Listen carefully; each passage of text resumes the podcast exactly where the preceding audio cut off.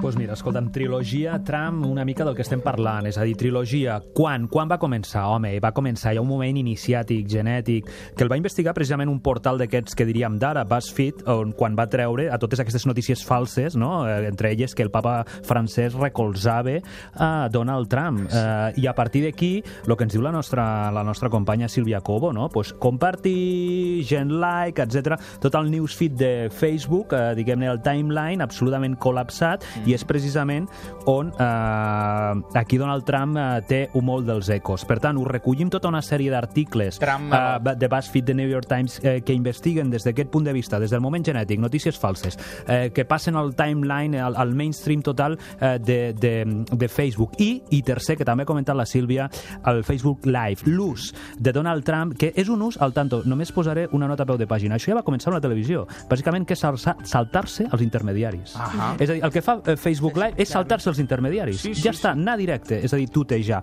I una última, la deixem per allà, també eh, de, de Bobby Friction, que és un, presentador, un periodista, perdó, de la BBC, especialista en noves tecnologies.